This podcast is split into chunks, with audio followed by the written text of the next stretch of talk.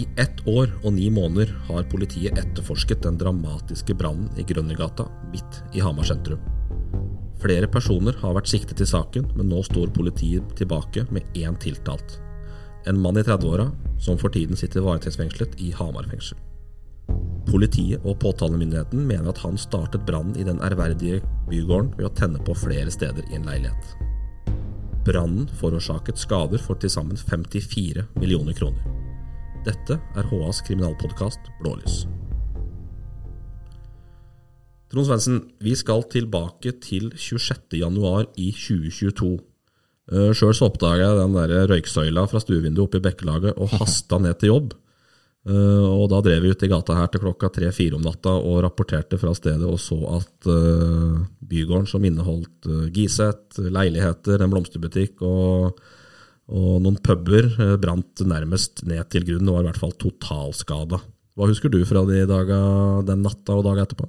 Jeg husker at jeg tenkte oi, det er virkelig et av signaturbygga i Hamar sentrum, tenkte jeg når den meldinga kom. Og så tenkte jeg òg at den ligger så tett på annen bebyggelse at her kan det fort bli dramatisk. Jeg tenkte jo en gang på at det var et hotell vegg i vegg, husker jeg.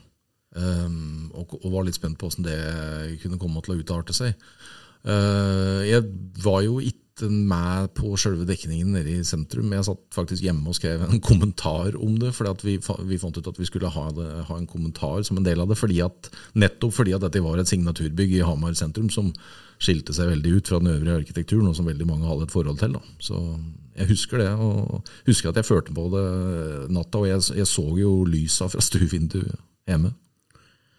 Du er inne på hotellet der, og det er jo, det skrev vi faktisk om i etterkant, at det er jo både hva blir det, vest, sørvestover, nedover i gata der, og mot hotellet, så er det faktisk murvegger, brannvegger fra ja. 1800-tallet som redder øvrig bebyggelse der. Ja, Det er veldig fascinerende å gå forbi der nå, nå som tomta er rydda og det liksom bare er ei eh, slette med grus på der. For eh, Hvis du stopper opp og ser på det avtrykket som er i veggen på muren oppå der, det er jo på en måte det eneste vitne som er at om at det sto et bygg der. Det er jo, altså, Møene er jo avtrykt, av, brent inn i den gamle Tengelsteinsmuren. og Her var det snakk om over 100 år gammel mur som, som faktisk redder Astoria-kvartalet. altså.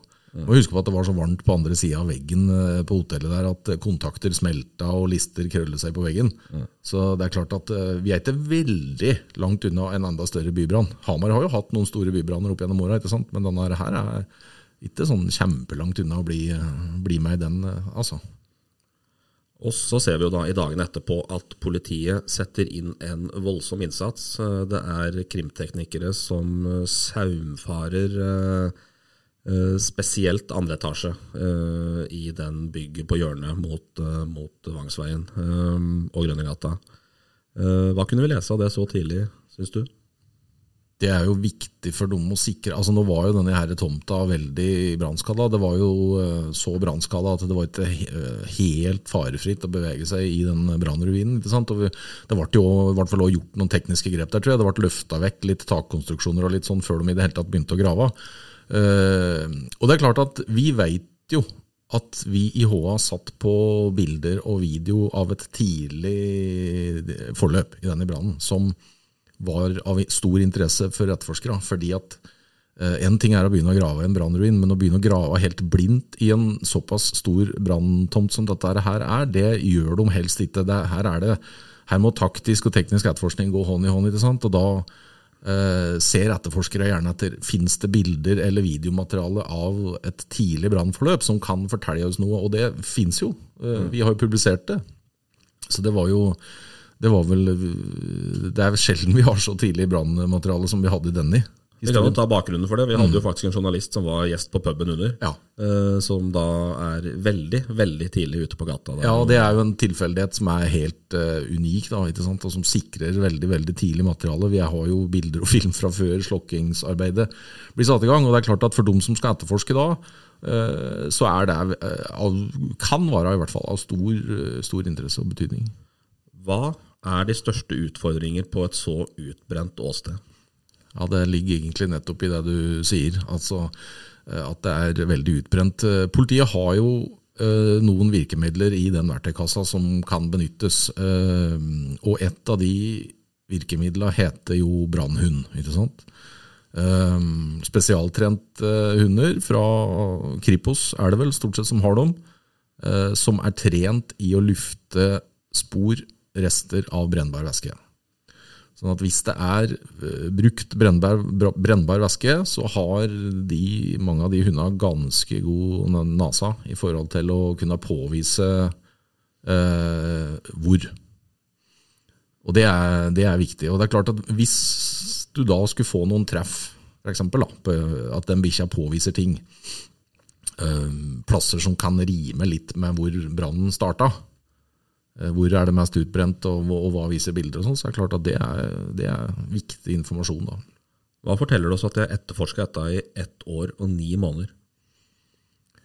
Ja, Det kan jo si så mangt. Eh, det kan, for det første kan det sikkert si noe om etterforskningskapasiteten i Innlandet politidistrikt generelt. Det, det, det jeg ikke, men mitt inntrykk er at uh, den muligens noen ganger kan være litt pressa. Vi vet òg at det kan være ventetid på å uh, få svar fra laboratorier. Altså hvis det er tatt prøver, ting er sendt inn til analyse.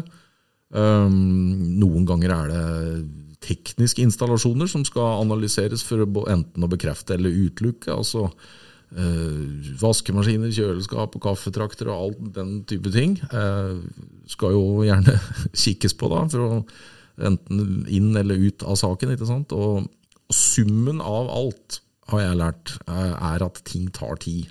Eh, og ett år og ni måneder er jo Eh, er jo ganske lang tid, men det er klart at i forhold til all den tekniske jobben som er utført, og uh, ventetid på sånne ting, så er jeg ikke sånn superoverraska over at det har tatt så lang tid heller. Altså, må si det. Og nå står vi da altså tilbake med én tiltalt. Det kom pågripelser ganske fort i dagene etter, etter, uh, etter hendelsen. og det var vel totalt eh, tre som var eh, pågrepet og fengsla i en periode. Ja. Eh, og nå står vi da tilbake med én av dem. Ja, etter hvert så begynte det jo på en måte å utkrystallisere seg kanskje en liten følelse av at, at bevismaterialet ikke holdt for å knytte alle seere her til, til brannen. Men det er klart at dette er jo personer som i ulik grad har hatt tilknytning, skråstrek opphold, vel, slik vi har forstått det, i hvert fall, i, i det bygget. Um, og som det kanskje Det er forskjell på dette her med å, å, sikte noen for noe og ta ut tiltale for noe. For, at, for å få noen varetektsfengsla i en uh, tidlig fase av en sak, så er det ri, rikelig for påtalemyndigheten at de er innafor det som kalles skjellig grunn til mistanke. Uh, skjellig grunn til mistanke, det holder på en måte sånn røftlig 50% sannsynlig at du kan ha hatt hendene dine borti det. ikke sant? Eh, det holder ikke for å få noen domfelt i en rettssak. Da skal, det, da skal tingretten være så godt som 100% sikker. Da skal det ikke være at noen er teoretisk og oppkonstruert tvil, som det heter. da. Og det er, det er, stor forskjell på. Så vi har noe skala, eller Påtalemyndigheten har noe skala det av til den, den personen vi, vi sitter igjen med nå, som vel, eh, så vidt meg bekjent, fremdeles sitter varetektsfengslet. Mm. Det gjør han. Det er jo en annen mann som var eh, Jeg husker ikke om han var pågrepet nummer én eller to, men han var i hvert fall blant de tre som, som ble pågrepet tidlig, tidlig uh, etter hendelsen. Og nå har det da munna ut i, i, en tiltale som er på fire poster. Uh, og inneholder vel tre eller fire branner totalt, pluss en, en, annen hendelse. Vi kan jo gå gjennom de Eh, de eh, postene i tiltalen. Det som er spesielt der, Trond, som vi også skal komme tilbake til, det er jo at eh, den første posten i tiltalen, mm. er jo ikke, altså som da er den alvorligste, i hvert fall med høy strafferamme mm, kan være, er jo da ikke Grønnegata-brann. Nei, det er helt riktig. Det er jo en uh, annen boligbrann i Hamar. som skriver seg tilbake til våren 2019. Mm. natt fryktelig brann eh, i en eh, bolig oppe i Vognvegen. Eh, og der er det, mener påtalemyndigheten at det kan bevises at han har tent på i den kjellerleiligheta der han sjøl bodde. Og, og, at det da for åtte personer, var det vel i alt, har medført en, en, grad av livsfare. Uh, både voksne og unger som var og sov i det bygget. Og vi vet jo at nattestid og branner er veldig, er veldig skummelt i forhold til dette med at liv kan gå tapt. og og eh, det er, jo, det er jo det som vi i gamle dager, som etter den gamle straffeloven, så kalte vi det gjerne forsøk på mordbrann. Det er jo et litt gammelt, det er jo et ord som er litt sånn, har sneven av Agatha Christie over seg, på en måte, men, mm. men det er jo eh, likevel et litt beskrivende ord. da, så det er en brann der det rett og slett er fare for at det kan gå tapt menneskeliv. Da. Ja, for der skriver altså påtalemyndigheten, statsadvokaten, i, i grunnlaget at disse kunne lett omkommet dersom brannen ikke har blitt oppdaget eller varslet i tide. Ja, og da, da har vi det på en måte sånn strafferettslig sett så eh, scorer den da høyere på statistikken, for å bruke det begrepet, enn den Grønnegata-brannen gjør, fordi at der var det ikke den samme akutte faren for eh, menneskeliv etter påtalemyndighetens vurdering, men, eh, men i denne brannen her er da på en måte blitt hovedpunktet i denne tiltalen. Mm. Så Det er jo det vi skal starte med. antageligvis Når vi kommer i retten, da, så er det jo vanlig at, at vi tar det i den rekkefølgen tiltalen står i. og Da regner jeg med at uh, dette er det han vil få spørsmål om først er du overraska at jeg landa ned på det. Jeg har vært i kontakt med statsadvokat eh, Magnus Schartum Hansen også, som sier akkurat det du sier, at de må gjøre en vurdering rundt rett og slett faren for menneskeliv. Men mm. klart, all den tid er et hotell vegg i vegg eh, på den andre, og, og, det var jo folk i leiligheta når brannen starta, det vet vi vel. sånn ja. at eh, ja, de har jo til hans gunst her kommet ned til at dette ikke da er en straffelovens paragraf 355, men 352 isteden. Ja, og da er vi jo inne på Der sitter jo statsadvokaten med detaljer i etterforskningsmaterialet som vi foreløpig ikke har tilgang til, men som vi kommer til å få et innblikk i når dette er eh, skar opp i Østre Innlandet tingrett senere i høst. Så, så det foreløpig så blir det egentlig bare spekulasjoner og, og, hva vi tenker om det. Men det er klart at eh, tidspunkt på døgnet vil sikkert eh, ha en viss eh, effekt. Uh, det han sier til meg da, ja. i, i, intervjuet jeg gjør med han tidligere i uka, er at han sier at uh, for at man skal lande på paragraf 355, da, som er den såkalte mm. mordbrannparagrafen som du var innom her, så, så, må det være et vilkår at brannen lett kunne ført til tap av menneskeliv. Uh, og da ser de på hvordan utvikla brannen seg. Mm. byggekonstruksjon og det faktiske potensialet i brannen. Og ut ifra det så har de falt ned på at i Grønnegata-brannen så var det ikke oppfylt. Men i uh, den i Vognveien i 2019 så var det vilkåret oppfylt. og derfor, uh, derfor gjør det. Men så påpeker han en ting, at strafferammen er faktisk den samme for 355 og 352 annet ledd, hvis vi skal være veldig lovteknisk, ja, ja. Som, som, uh, som, har en sånn særdeles grovhet i seg, det annet ledd. da. Mm. Den sier noe om det. Sånn at sånn veldig praktisk for straffeutmålinga vil det sannsynligvis ikke få at de to brannene har, har, en forskjellig lovanvendelse, da, for å si det sånn. Um, så går vi videre i, i tiltalen her, så, så, ser vi da også at i, i post 2 så er det også da i grunnlag A så er det så er det den samme brannen i Vognveien som er omtalt. og Der eh, blir det gjort kjent at den forårsaka skade for 8,5 millioner kroner. Mm. Den eh, brannen der. Det blir fort penger av det, altså? Det gjør det, og det skal vi også komme tilbake til. Også Der har de da satt uh, grunnlag B i, i straffelovens uh, Eller i, unnskyld, i post nummer to så kom vi til en brann i Todderudveien i Hamar. Der var du, Trond? Ja, det var på Ridabu. Uh, og jeg lurer på om dette kan ha vært i påsken. Det var i hvert fall 5. april i 2020, og jeg husker at, jeg, at vi fikk melding om at det var, kom røyk fra et hus på Ridabu. dette var jo midt under uh, hardeste pandemiutbruddet, så jeg husker at, uh, at det ble rykka ut med munnbind både fra meg og alle andre som var der. Men der var det jo, var det jo Det var jo en brann som eh, politiet fikk, eller som brannvesenet fikk relativt tidlig kontroll på. Men vi skjønte nok, vi som var på stedet der, at um, det kunne være mistanke om noe. Jeg har jo sjøl tatt bilde av at politiet bar ut et par sånne Eh, når de sikrer tekniske bevis, altså funn, gjenstander på åsteder, så bruker de gjerne sånne broende, store papirkonvolutter. De er eh, ofte veldig visuelle. og jeg, jeg, husker at jeg tok bilde av at politifolk bar ut et par sånne store konvolutter med ting oppi. Så jeg fikk en liten mistanke allerede da om at det kanskje kunne være, være snakk om noe. Mm. Her er det jo da ikke lagt til grunn at det var fare for at liv kunne gå tapt. da. Men det er jo snakk om materielle skader, selvfølgelig. Det er snakk om materielle skader. Og bra, også her skal brann, og det er litt interessant å merke seg, også den brannen skal ha oppstått i, uh, i, kjelleren. Og det er jo akkurat det samme som den uh, mordbrannbestemmelsesbrannen nå, at, uh, at, at, den kommer fra kjelleren. Mm. Mm. Og så skal vi da til 15. januar, som bare faktisk er elleve dager før Grønnegata-brannen. Ja. Da er denne mannen også tiltalt for å ha tent på ei campingvogn på Rena camping. Ja, 15. januar 22. Og Det var ikke hans eh, campingvogn, men eh, det oppsto brann- og røykutvikling. Og campingvogna, som hadde en verdi på 125 000, ble da totalskada i den brannen. Altså elleve dager før Grønnegata-brannen. Ja, vi veit lite om det, eh, men det- er jo med på å tegne et bilde av en gjerningsmann som eh, har lett hang til å sette fyr på ting. Eh, Det er jo med på å bare styrke det bildet som statsadvokaten prøver å, tegne her. Hva som er bakgrunnen og sånn for den, den campingvogna.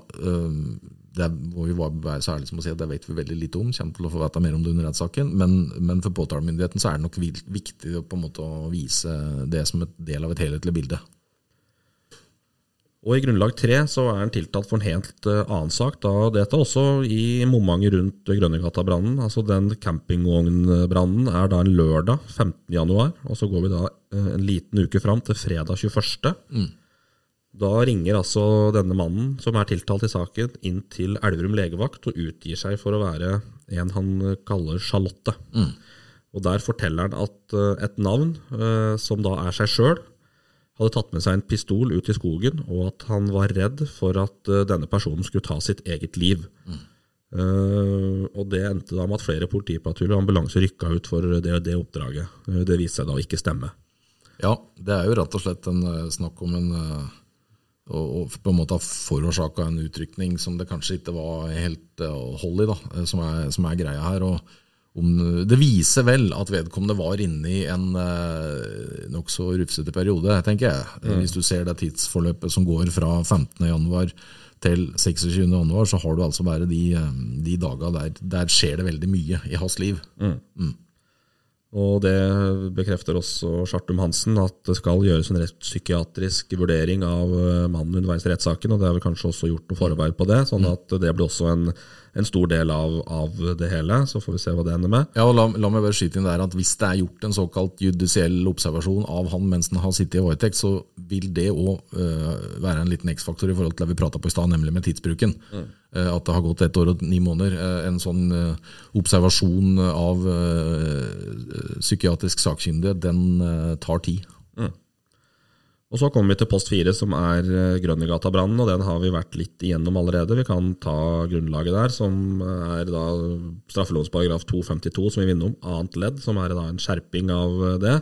Og det Annet ledd er altså skadeverket er særlig grovt fordi det legges vekt på at det innebar ødeleggelse av gjenstand som har betydelig historisk verdi, eller som innebar en svært omfattende ødeleggelse av eiendom. Det er det annet ledd som, som vi var innom for å være litt lovteknisk igjen. Men, eh, men det er altså da strafferamme på lik linje med mord. Jeg tror det er 15 år, jeg, faktisk, som er straffemaksnivå på, på begge de paragrafene. Men da så står det i grunnlaget onsdag 26.1.2022, kort tid før klokken 22.54 i en leilighet i den vernede bygården Grønninga 34 i Hamar, tente han på flere steder. Leiligheten ble raskt overtent, og hele bygården på 852 kvadrat ble totalskadet. Brannen forårsaket brann- og røykskader for til sammen 54 millioner kroner. Og Her er det et par ting, Trond. Han tente på flere steder. Det er eh, nytt i tiltalen for oss. Ja, det er nytt. Vi veit ikke hvor han har tent på, men uh, ref det jeg akkurat prata om eh, med dette her med brannhunder, det kan utmerket godt hende at det er, at det er, at det er markert på brennbar væske, bruk av brennbar væske, flere plasser i dette her bygget. Nå sier jeg bare dette er en generell bemerkning, for vi vet ikke om det foreløpig er tilfellet i bevismaterialet. Men eh, når det, hvis, hvis det er slik at du tenner på, eh, på flere steder, så øh, vil du jo gjerne kunne ha hatt et sterkt ønske om at det skal virkelig begynne å brenne. Mm, og det, det skal jo bli interessant å høre, høre både hans forklaring og det øvrige bevismaterialet på akkurat det. Og, det, og vi vet jo at denne brannen utvikla seg relativt fort. Veldig fort. Og det har jo selvfølgelig statsadvokaten fått spørsmål om også, om hvorfor de nå ikke kan gå ut med de faktiske forhold da, som det eventuelt er. Men så vil vel Chartum Hansen si da at det er ikke så faktisk i et brannåsted at eh, her har det vært brennbar væske, og i tilfelle hva og ikke. Så Nei, det så er er jo sånn- en del av argu- argumentrekka hans, hvis de mener at det er det, da. Ja, og så er det sånn klassisk, eh, klassisk uh, kutyme nesten at uh, dom, Det er liksom et prinsipp da, at noen ganger hvis det er et viktig bevismateriale i en rettssak, så, så vil vel antageligvis statsadvokaten og domstolen skal få lov til å høre det først, og ikke lese det i Hamar og Bedre, tenker jeg. Det er nok helt riktig. Antageligvis det som er lagt til grunn. Eh, og så ser vi her at eh, det er da verdier for 54 millioner her, og det er 8 millioner på den ene og 120 på to av de andre. Ja. Da er vi glatt over 60 millioner. eh, Tror jeg regna med fram til 62 747 000 kroner. Ja. Det er det også noe å få fra Statens innkrevingssentral? Ja. To uker etter om, eventuelt? Ja, den fakturaen er lei, og så kan du jo da sammenholde det med det som står i den eh, tredje eh, og bortimot nederste linja i hele tiltalebeslutningen. Påstand om erstatning til de fornærmede forbeholdes nedlagt. Ja. Og Da blir det jo spennende å se om statsadvokaten eh, rett og slett kommer til å legge ned påstand om at det skal idømmes eh, hele kravet, for da er vi jo altså oppe i astronomiske 62 millioner kroner. Um, vi har jo ikke veldig mange domfellelser i Norge for skadeverk der vi er oppe i slike summer. altså Sånn lokalt her, eh, som har vært knytta til Hedmarken, så Uh, satt jeg gjennomgikk det litt i går. og jeg, Det eneste jeg på en måte finner, og den er jo helt absurd stor, da, men det var jo det erstatningskravet som, um, som disse her, som ble domfelt for bomba mot Bandidos i Drammen, ble domfelt til i uh, høsten 2002 i ankesaken, der Borgarting lagmannsrett vel slo fast 290 millioner kroner pluss rente, så vi endte altså opp på et krav på i overkant av 450 millioner kroner. Ikke fryktelig langt unna en halv milliard. og det er klart at fordelt, Selv om du fordeler det på sju mann, så er det jo ikke et snev av realisme i å inndrive et sånt krav. ikke sant? Så det, det det på en måte kan føre til, er at staten har taket på deg eh, så lenge du lever. altså At du ikke kan eie noe og, og, sånne ting. For at alt du på en måte måtte få tak i av formuesgoder og sånn, det vil gå til å, til å inndrive gjeld. da, og det har vært litt ulik praksis, har jeg forstått. I noen domstoler så har de ment at det kan være på en måte smart å idømme et krav som det er realistisk at den som domfelles, kan forholde seg til. Mm.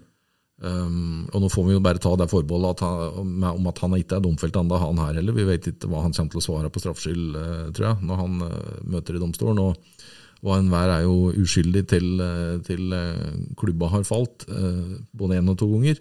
Så det er noe sånn det er. Men han, han risikerer å sitte igjen med et historisk høyt erstatningskrav. Jeg, jeg, klarer ikke å huske noen andre saker enn den bombesaken fra Drammen, ja, som er ja, og Den er jo skyhøyt over dette og på en måte på et sånn absurd nivå. Men det, det, er virkelig enorme verdier det er snakk om. Det er klart at det er jo et helt kvartal i en by. Mm. Uh, og det representerer jo fort uh, betydelige verdier, ja.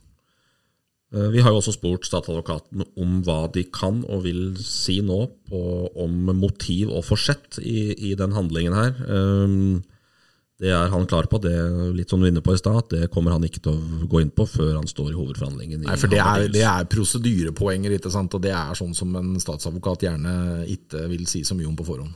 Mm. Absolutt. Så har vi en ting til. Du var innom det siste punktet i, i tiltalen. Det nest, det nest, siste punktet sier at påstand om forfa, forvaring mm. forbeholdes nedlagt. Ja. Så her det, har vi da altså en brannstifter som kan møte da en påstand om forvaring. Hva vil det si?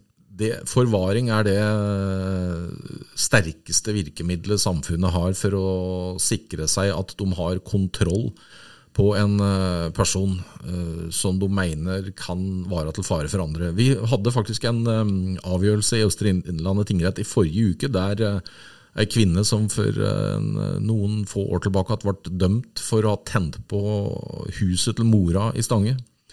Hun, hun ble, der ble forvaringa for lenge, med to nye år, fordi at domstolen mener at hun ikke var skikka til å komme ut igjen ennå.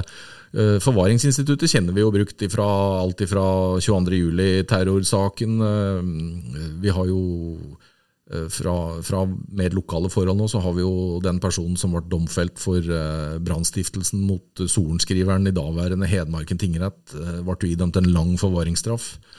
Uh, og vi har jo hatt flere på forvaring, men i gamle dager så het det jo forvaringssikring. da, uh, Og så ble det dette her gjort om på et tidspunkt. Uh, og det, Da er det sånn at du blir idømt en minimumslengde som du skal sone, og så når du kommer over det, så skal det prøves med jevne mellomrom. Det er jo derfor så den at vi ser at Beiring Breivik kommer til å dukke opp igjen i retten med jevne mellomrom og begjære seg løslatt. ikke sant? For da, da, blir det opp til en domstol å vurdere ut fra det som ligger på bordet. da, Om mm. er vedkommende skikka til å være løs eller ikke. og Den situasjonen kan vi òg havne i her. da. Her er Sjartum Hansen, statsadvokaten, litt mer åpen med meg, faktisk. Han sier at vi mener det er en så høy gjentagelsesfare, så vi ser det som nødvendig å legge ned påstand om forvaring. Det skal vi bruke hovedforhandlingen til å gjøre en vurdering på. Ja, og da er du litt inne på det jeg prata på i stad, dette her med at de har tatt med flere punkter i den tiltalen. Altså den campingvognbrannen er med, eh, den trusselhendelsen med denne pistolen og skyteopplegget er med som eh, i grunnlaget her, og, og de brannene. Så at um, ja, det skal bli spennende å se hva de kan lande på av, av det, altså, og hva slags lengde de da eventuelt kan legge seg på. Absolutt. Det er satt av fire uker til eh, rettssaken. Den begynner enten 20. eller 21. november. Det var ikke helt eh, bestemt ennå. Eh, men Chartum Hansen er tydelig på at det kommer til å ta en 15-16 rettsdager. Sånn mm. at det blir en dryg sak. Ja, og det er jo interessant, for her er det jeg vil, jeg vil, tippe, dette er ren gjetning, men jeg vil tippe det er brukt moderne 3D- og simuleringsverktøy for å simulere brannutvikling både på den mordbrannsaken og på den Grønnegata-saken, som skal legges fram som bevismateriale i retten. Um, og opp mot det er det helt sikkert ganske mange og ganske lange vitneforklaringer. Uh, det er ikke brått sikkert at tiltaltes forklaring her er det som kommer til å ta mest tid. Antageligvis er det alt det andre som er med å bygge opp uh, bevisbildet, som kommer til å ta masse tid når vi kommer i retten. Det var det siste om brannen i Grønnegata, og den videre utviklingen i saken følger du på ha.no. HAs kriminalpodkast Blålys er laga av Trond Svendsen og Jan Morten Rengstad.